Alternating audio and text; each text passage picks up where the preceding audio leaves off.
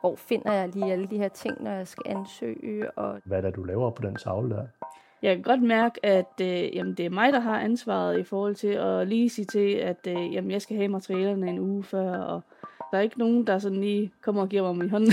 Lærerne glemmer ret lidt, at man er i, i klassen. Øh, mange, mange gør i hvert fald. Øh, specielt når man ikke ligesom gør opmærksom på, at man er der. Selvfølgelig har jeg også prøvet at spørge nogen i klassen eller nogen på holdet. Så er jeg så også gået op til en studievejleder, som jo også godt kan fortælle, hvordan man gør det, men de viser det jo også bare lige hurtigt på deres egen computerskærm, og så står man der, ja, ja, øh, jeg er med, øh, overhovedet ikke med, for jeg kan ikke se, hvad der foregik. Jeg kan huske, da jeg startede min socialrådgiveruddannelse på Professionshøjskolen. Det var ikke altid uden udfordringer. Når man har et synshandicap, er der bare nogle ting, der er lidt vanskeligere og som kræver mere energi. For eksempel at finde rundt på store uddannelsesinstitutioner. Få de rigtige undervisningsmaterialer, både tilgængeligt og til tiden, og meget mere. Og jeg er langt fra den eneste med et synshandicap, som har haft svært ved det. Faktisk er uddannelsesfrekvensen, altså andelen, der gennemfører en uddannelse, faldet markant. Men hvorfor egentlig det? Blandt de mennesker med synshandicap, som har måttet stoppe på en uddannelse, kan man se, at omkring en tredjedel har måttet stoppe på grund af sygdom eller handicap. Og mange oplever ikke at få den nødvendige rådgivning og vejledning i forhold til deres uddannelsesvalg. En uddannelse er noget af det, der betyder allermest for ens livskvalitet, sundhed, indkomst og selvfølgelig mulighed for beskæftigelse. Derfor skal du i dag høre fortællinger om, hvordan det er at tage en uddannelse, når man er blind eller svagsynet.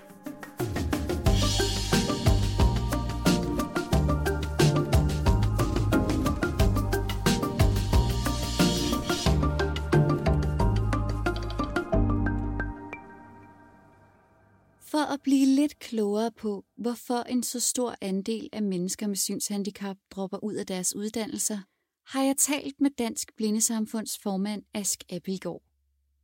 Han har arbejdet med synsområdet i mange år og beskæftiget sig med de specifikke udfordringer, man som ung med synshandicap risikerer at stå overfor. Tallet for, hvor mange mennesker, der dropper ud, det stiger jo. Hvorfor tror du, det er tilfældet? Ja, altså det vi vel i virkeligheden ser, det er, at der er færre, som får en anvendelig uddannelse, en kompetencegivende uddannelse, hvor vi har set et fald over 8 år fra cirka 52 procent af øh, blinde og som fik en kompetencegivende uddannelse, og så frem til 2019, hvis jeg husker det rigtigt, øh, hvor det så var nede på cirka øh, 39 procent, 8-39 procent. Og det er jo en periode, hvor uddannelsesgraden blandt befolkningen i, i øvrigt er stigende. Vi kan sige noget om, hvem der har gennemført. Vi har lidt sværere ved at sige noget om, at det er fordi, at folk aldrig får begyndt, eller ikke får begyndt på den rigtige uddannelse, eller fordi de dropper ud øh, undervejs. Så der er jo, det er jo nok det hele, der gør sig gældende, tænker jeg. Øhm, det fylder jo ikke helt vildt meget i den offentlige debat. Hvorfor tror du ikke, det fylder mere, end det gør? Øhm, det falder jo også en lille smule tilbage på, på os selv som, som dansk Vinsamfund og som synshandicappede. Altså, folk bliver faktisk meget overrasket, når man fortæller om de her tal, som jeg nævnte før. Øh, jeg tror simpelthen, der er en almindelig antagelse om, at, at det går vel okay. At vi som samfund tror, at det går helt okay, er åbenlyst forkert. Og det er nok også en af grundene til, at det er svært at vide, hvad der egentlig kan gøres. Derfor spurgte jeg Ask om, hvad problemet helt grundlæggende er. Hvad er den største barriere? Jeg tror for det første, at vejledning om, hvad det er for nogle uddannelser, der er ikke muligt at tage som synshandicap, fordi der er rigtig meget, der er muligt. Men hvilke uddannelser leder hvorhen, og hvad kræver det? Det mangler vi rigtig meget vejledning om, og forståelse både blandt os synshandicappede selv, og også mere viden blandt fagfolk. Så det er jo ligesom sådan vejen ind. At viden er altafgørende for et godt uddannelsesforløb virker logisk. Men hvis ansvar er det egentlig at fordele den viden, der skal til? Nu skal du møde Maria Andersen. Maria kender barriererne i uddannelsessystemet særdeles godt. Hun er desværre et eksempel på, hvad der sker, hvis man hverken får den rette vejledning eller får den i rette tid. Øh, jeg startede med øh, grundforløbet på Social- og Sundhedsskolen, fordi jeg tænkte, at jeg gerne ville være pædagog. Øh, men da det så ikke lykkedes at komme ind på øh, pædagogisk assistentuddannelsen dengang, så tænkte jeg, jamen, så prøver jeg med en øh, HG og tager pædagoguddannelsen den vej. Men det lykkedes så ikke at, at få nogen læreplads og sådan noget øh, efterfølgende. Så gik jeg så videre med øh, en øh, HF, hvor jeg så desværre oplevede at få hjælpemidlerne for sent. Så øh, jeg endte med at tage det første år af HF af to omgange, øh, hvor jeg så måtte indse efter den anden omgang, at det kunne ikke fungere det her. Det var for svært med matematikken og med det faglige, så det droppede jeg igen. Så endte jeg på øh, kontanthjælp i et halvt års tid, tror jeg, eller sådan noget. Og så kom jeg på øh, sundheds- og servicesekretæruddannelsen og gennemførte den. Efter det, så prøvede jeg også igen at øh, søge efter arbejde. Men øh, sundheds- og servicesekretæruddannelsen, det er en uddannelse, som ikke ret mange kender til. Øh, det var mest i Københavnsområdet, at den øh, var populær, så øh, den havde jeg ikke held med. Så jeg gik videre igen med endnu en uddannelse. øh, og det var så øh, EUX'en, som jeg så har gennemført. Øh, og nu er jeg i øh, skolepraktik, fordi det ikke er lykkedes med at finde en læreplads igen. Havde det noget med dit syn at gøre, at du ikke øh, kom ind på de første uddannelser, du ligesom søgte dengang? Det ved jeg ikke helt præcist, om det har. Øh, jeg tror også, det har noget at gøre med, at det var sådan inddelt i kommuner med pædagogisk assistent, at de kunne have et bestemt antal øh, ansat af pædagogiske assistenter, så jeg tror også, det har noget med det at gøre, at den var lidt svær at komme ind på på den måde. Og i forhold til øh, HG'en, øh, og skulle ud og finde øh, læreplads, det var lige midt i finanskrisen. Ja, okay. Hvordan synes du, vejledningen på det her område har været? Altså for eksempel i forhold til kommunen og i forhold til IBOS? Eller har du talt med nogen i forhold til at finde ud af, hvad der var det rigtige for dig at gå i gang med? Det har været lidt en blanding. Øh, jeg har været i afklaringsforløb ved synsrådgivning i øh, Odense, øh, hvor at vi nåede frem til, jamen det er noget inden for kontor, jeg skal. De mente så bare, at jeg skulle tage en HF. Tænkte jeg så bare, nej, det skal jeg ikke. Jeg skal ikke tilbage til en fuser. så jeg fandt EUX'en i stedet for og gik i gang med den. Mm. Ja, for det der med at, at finde ud af, at den uddannelse, man har taget, at du ikke rigtig kan bruge den til noget, hvordan var det? Jamen, det er jo ikke særlig rart. Øh, og når man sidder med et synshandicap oveni, øh, og bare gerne vil ud på arbejdsmarkedet og bidrage, øh, så var det ikke en særlig sjov tid at være i. Hvad var det, du blev mødt med sådan, når du ligesom gik ud med den uddannelse og sagde, at ja, skulle søge job og sådan nogle ting? Jamen, øh, jeg blev mødt af mennesker, som øh, ikke kendte til uddannelsen, øh, hvor jeg skulle sidde og, og fortælle om, jamen, hvad går den her uddannelse ud på, og øh, hvad kan de bruge mig til, og så videre. Øh, så der var, ikke, øh, der var slet ikke den store kendskab til uddannelsen på det tidspunkt. Den blev også nedlagt i 2015. Hvis jeg, ligesom Maria, havde været igennem så mange uddannelser, tror jeg personligt, jeg havde givet op på nuværende tidspunkt. Og det, at Maria har taget en uddannelse, som i praksis er uanvendelig, gør mig virkelig ked af det. For hvordan kan det ske? De mange huller kan blandt andet skyldes mangel på vejledning og undervisning i de hjælpemidler, man som studerende får udleveret. Og især hvis man ikke har modtaget den relevante undervisning forud for sin uddannelse og på et højt nok niveau. Øh, man så er på uddannelsen, så er der jo nogle ting, der handler om, hvad er det for nogle færdigheder, man kommer ind med. Altså, kan man punktskrift, for eksempel hvis man er punktskriftbruger på et tilstrækkeligt højt niveau, til at man kan bruge det på en videregående uddannelse. Det kunne også være IT-færdigheder i det hele taget. Det kunne også være helt almindelige øh, sociale færdigheder, som man virkelig har brug for, som synes jeg ikke på en videregående uddannelse. Det der med, at man selv kan række ud til medstuderende. Og så er der jo også noget, der handler om altså sådan konkrete barriere på uddannelsen.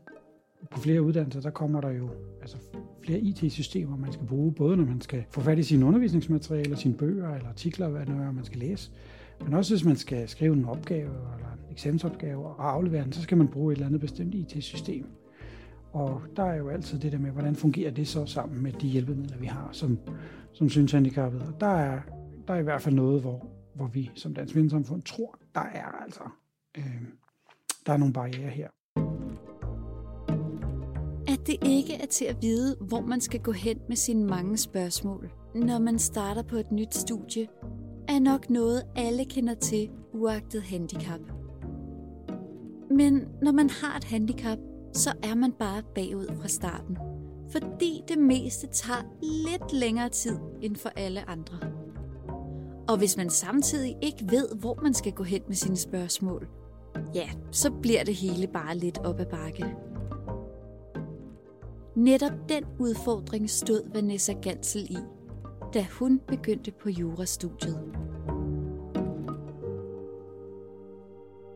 Øhm, hvordan har dit uddannelsesforløb været i forhold til, øh, til hjælpemidler og sådan nogle ting indtil nu, øh, og i forhold til at starte og det her med at læse, når man ser dårligere? Ja, men altså man kan sige, at starten er jo i hvert fald meget kaotisk, fordi det er jo meget anderledes fra gymnasiet. Øhm, i gymnasiet, der, der er det som om, det kører ligesom lidt nemmere, og man behøver ikke at ansøge om alle mulige ting med, øh, altså med øh, dispensationsansøgninger og det ene og det andet, som man faktisk slet ikke er forberedt på, når man starter på en videregående uddannelse.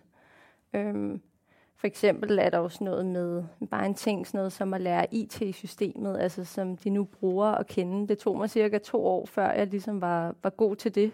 Øhm, og det er jo lidt langt inde i studiet, ikke? Øh, så er der jo nogle tutorer, man jo får i studiestarten. Men, men selvfølgelig kan de jo ikke værne om dig. Altså, de skal jo være der for en hel klasse. Øh, så på den måde, så kan det godt være lidt svært at få al den hjælp, man nu har behov for, hvis ikke man virkelig rækker ud efter det.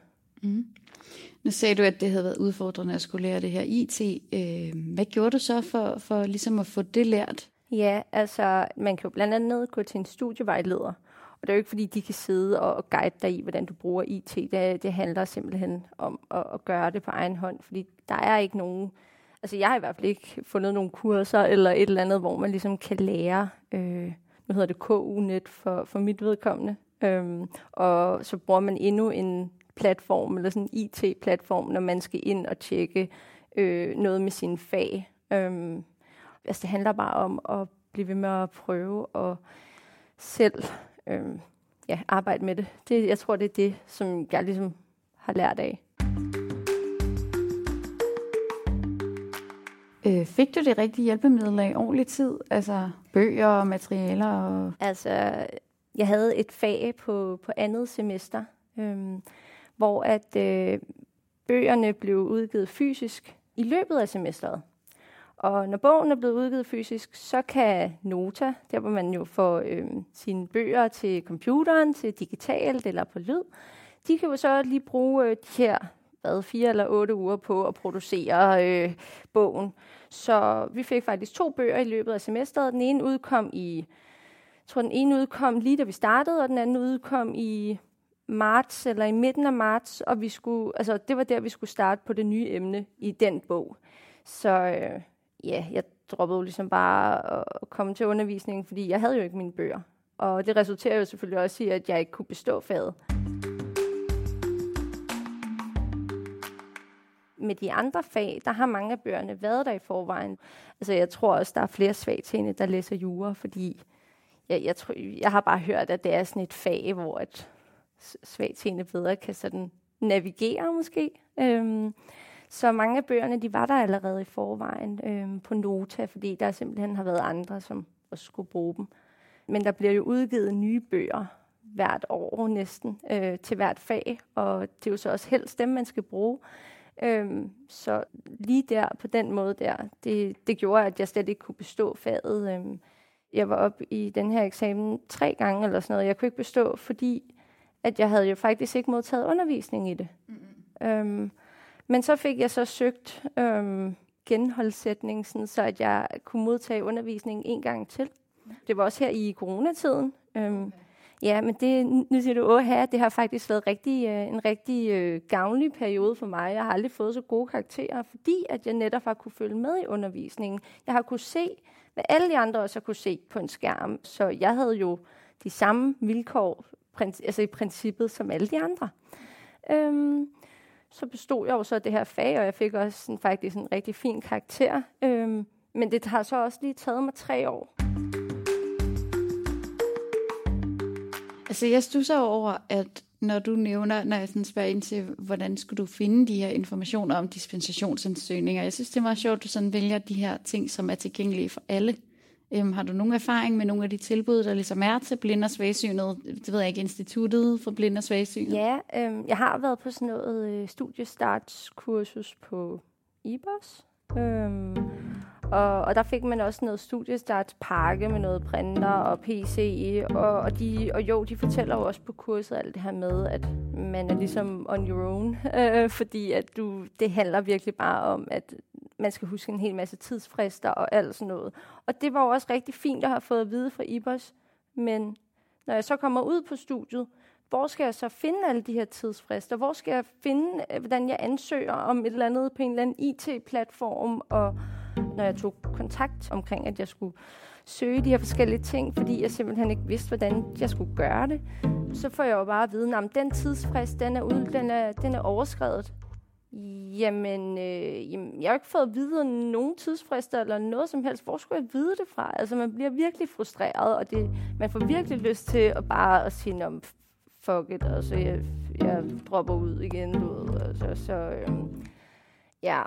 Det er jo helt frustrerende, og er jo virkelig noget, der kan være drænende for ens motivation og vilje til at fortsætte.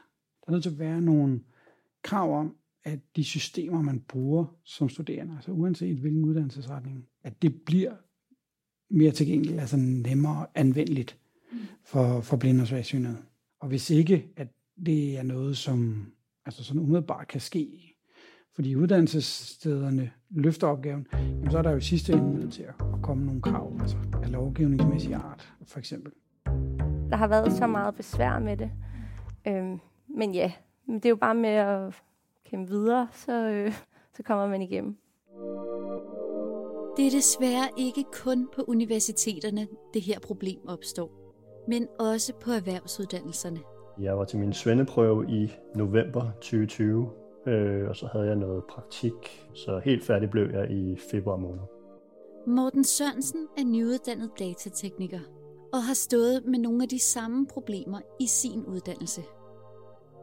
Især kommunikationen med de enkelte undervisere har været en kæmpe udfordring for ham. Hvis du sådan skulle slå ned på det, der har været mest udfordrende? Det har nok været det at, at få lærerne til ligesom at, at forstå, hvad, hvad jeg ligesom har haft behov for. Øh, for eksempel i, vi havde programmering på et tidspunkt, øh, og der øh, vores lærer var meget tavleundervisningsorienteret, om man så må sige. Øh, Øh, og jeg forklarede ham fra dag 1, jamen, jeg ser ikke så godt, så jeg vil gerne have, at du forklarer lidt mere, hvordan og hvorledes, hvad det er, du laver på den tavle der. Øh, og ja, for at gøre en lang historie kort, jeg sad og lavede ikke ret meget i de her timer, for jeg kunne simpelthen ikke følge med, selvom jeg havde ligesom sat ham ind i sagerne. Hvad gjorde du så i stedet for? Fordi du er jo færdig nu og igennem, så, så noget må du jo have lært, kan man sige. Ja, altså, øh, jamen, jeg, jeg prøvede så godt jeg kunne at forstå, hvad det ligesom, hvad det ligesom handlede om, øh, teoretisk. Øh, og så øh, havde jeg heldigvis øh, nogle, nogle studiekammerater, som var, øh, som var gode til ligesom at, også at hjælpe mig på den måde. Øh, og så, jamen, så kom jeg simpelthen bare for at sige det som det er, jeg igennem nogle af fagene med en, en lidt hvad skal man sige, lavere karakter end, end de andre, øh, hvor jeg måske var lidt mere stærk. Øh, så, så det er sådan den måde, jeg er kommet igennem på. Igen sidder jeg med en knude i maven. Det er da på ingen måde optimalt, at man skal være afhængig af gode studiekammeraters velvilje og gå på kompromis med sine karakterer, fordi undervisningen er utilgængelig på den måde bliver man jo endnu mere hægtet af, end man er i forvejen. Derudover kræver det jo, at man som studerende hele tiden er på, og igen og igen får sagt til over for underviseren, hvilket ikke alle mennesker per natur har let ved. Eftersom jeg godt kunne mærke, at, at læreren gjorde ikke så meget for at få mig med i undervisningen, så, så trak jeg mig lidt, kan man sige. Det har nok også noget at gøre med min interesse for netop programmering. Øh, at, at jeg tænkte, jamen det, det siger mig ikke så meget, det her fag. Øh, så altså, hvis jeg har en basisforståelse af det, så, så må det være sådan. Altså, så må det være godt nok. Øh, hvis jeg havde haft større interesse for det, og ville, ville gå, i, altså gå i dybden med det, jamen så havde jeg nok også været mere opmærksom på øh, at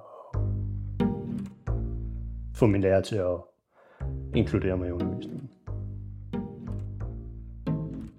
Men hvem har egentlig ansvaret for at inkludere alle på studiet? Jamen, det, jeg tror, det handler om et samarbejde mellem skolen og, og mig som studerende. Det, der er udfordringen ved den her uddannelse, det er, at man skifter lærer ret tit. I starten af min uddannelse prøvede vi at have 5-6 lærere inden for samme fag på et halvt år. Øh, så der var nærmest lærerskift hver måned. Øh, så der var det også svært at få alle med. Men, men igen, det handler om at få, få et samarbejde op mellem, mellem mig som studerende og, og skolen, vil jeg mene. Hvor tænker du, at hovedproblemet ligger øh, i forhold til det her med, at der er mange, der dropper ud? Øh, ligger det hos uddannelsesstedet, eller ligger det hos den studerende selv, eller hvor, hvor tænker du, at det ligger? Jeg tror, det ligger i, hvad der går forud i virkeligheden. Der er selvfølgelig noget, der handler om, hvad vi selv kan som synshandicappede, og sikre os, at vi kan det, vi skal kunne for at øh, gå videre i uddannelsessystemet. Men når man ikke har været på en uddannelse, en videregående uddannelse, så ved man jo ikke, hvad det kræver. Og der, der tror jeg i hvert fald, at det, det der med fleksibilitet i forhold til tid, altså i hvert fald når man begynder, at man har mulighed for at bruge noget tid på at få de færdigheder, man skal have. Altså man lærer jo ikke nødvendigvis det, man skal kunne som blind eller svagsynet ved at gå i gymnasiet. Det kan jo godt være, at man har brug for at lære noget mere, inden man går videre. Det er der nødt til at være noget tid til. Øhm, og så er der det her med at kunne vælge, de, vælge den rigtige uddannelse. Og så tror jeg at også, der er brug for noget fleksibilitet i forhold til, at man ikke bare skal lige igennem, men at man måske har en, en højere grad af, af mulighed for at vælge om, hvis det er det, der skal til. Med så nedslående fortællinger forstår man desværre godt, hvorfor der er så mange med synshandicap, der dropper ud af studierne. For hvor skal man finde motivationen til at fortsætte, hvis intet fungerer, som det skal? Jeg ved ikke, har du oplevet, at, at der ligesom er kommet så mange ting, at det er blevet uoverskueligt for dig at læse, altså at studere, fordi at der har været så mange små ting, måske der ikke fungerede? Ja, det tror jeg faktisk er det, jeg oplever lige nu, men øh, det tror jeg også handler meget om, at jeg er ved at miste øh, motivationen øh, fuldstændig i forhold til øh, at øh, gå igennem øh, uddannelsessystemet. Øh, og tanken om at få et arbejde efterfølgende, den er ikke, altså der er ikke øh, de store øh, forhåbninger i forhold til det, øh, som det er lige nu, med den baggrund, jeg har. Udover de personlige konsekvenser for den enkelte studerende, medfører denne udvikling også gevaldige udfordringer i samfundet som helhed. Hvad tænker du konsekvensen ved, at der er så mange med synshandicap, der dropper ud af de her videregående uddannelser? Både personligt, men også øh, på samfundsplan. Første sådan umiddelbare konsekvens er jo, at det bliver sværere at få et job, hvis man ikke har de formelle øh, uddannelsespapirer i orden. I takt med, at unge bliver bedre uddannet i det hele taget, jamen så er der jo også en forventning om, at man kommer med, med de rette uddannelseskvalifikationer. Så det, øh, det, er jo, det er jo sådan den helt umiddelbare konsekvens, og det er jo, det er jo virkelig trist, hvis det er den konsekvens, øh, det handler om. Det har jo altså en langtidsvirkning for hele resten af livet i forhold til ens deltagelse i samfundet, ens mulighed for at have en fornuftig indtægt osv. Så det er jo, det er jo virkelig alvorligt. Havde du nogensinde under dit uddannelsesforløb overvejet at droppe ud? Der var nogle enkelte gange, ja. øh, hvor jeg var sådan lidt, det her, det, det forstår jeg simpelthen ikke, det er simpelthen for svært. Øh, altså, skal jeg, skal jeg stoppe her, eller hvad skal jeg?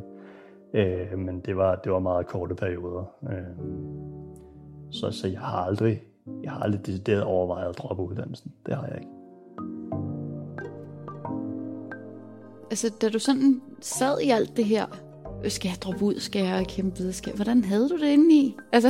Ja, det er jo meget sådan turbulent, altså, eller øh, ja, fordi der er så mange tanker, der går igennem en, og jeg blev bare utrolig frustreret. Øhm, men jeg vidste også bare, det kan ikke være rigtigt, det skal være mit synshandicap, der slår mig ud for, at, at jeg bliver nødt til at droppe ud. Altså sådan der, jeg havde det bare sådan, altså så er det jo sådan set øh, universiteterne, der er noget galt med, hvis, altså hvis alle med synshandicap, de, det simpelthen bliver for svært med, med at skulle finde et lokale, eller man, man har nogle særlige behov, som, som måske er for, for svært for studiet at håndtere, og sådan havde jeg det bare. Sådan skal det bare ikke være med mig. Jeg, jeg må bare øh, blive ved med at kæmpe, altså.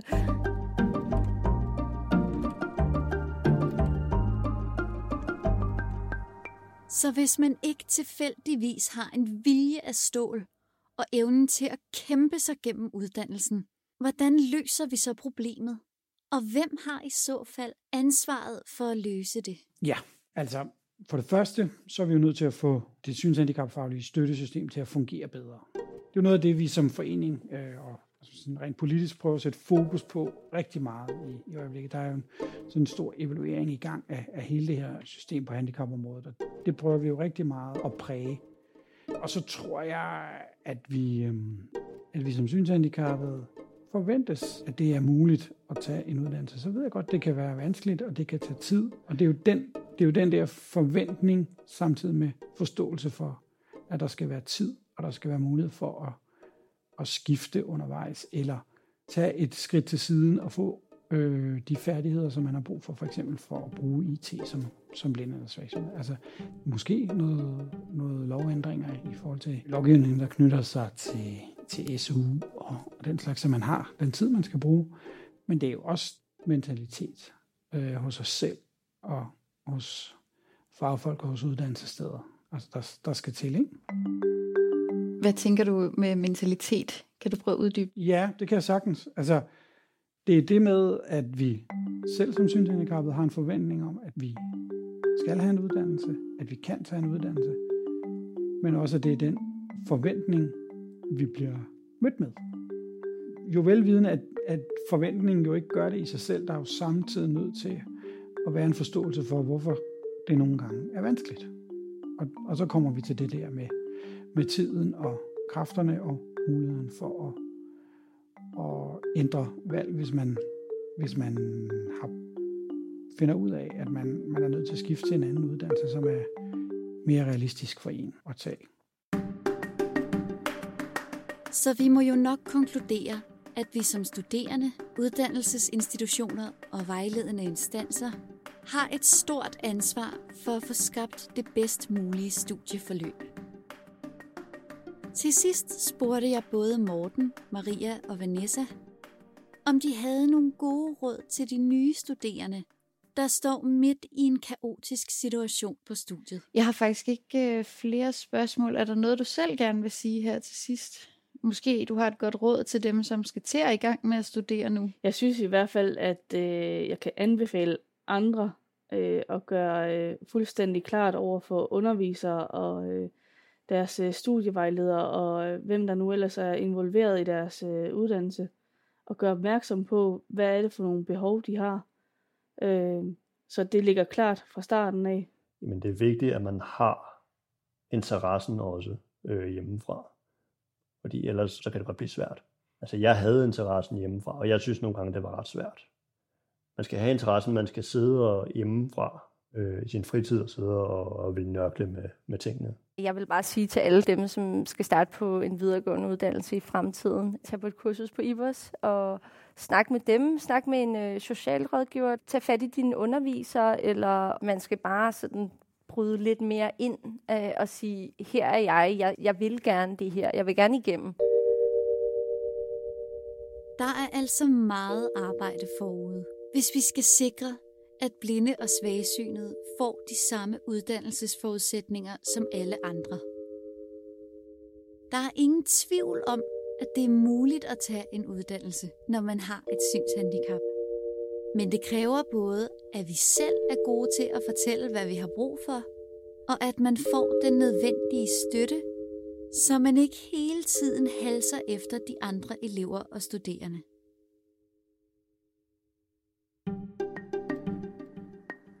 Øjenkrogen er produceret af Dansk Blindesamfund. Afsnittet er klippet og mixet af Lydpol. Jeg hedder Sofie Mongård, og redaktøren hedder Mikkel Løfgren Rød. Husk at abonnere på Øjenkrogen i din foretrukne podcast-app, og følg vores Facebook-side. Afsnittene kan selvfølgelig også høres på vores hjemmeside blind.dk-podcast. Tak fordi du lyttede med.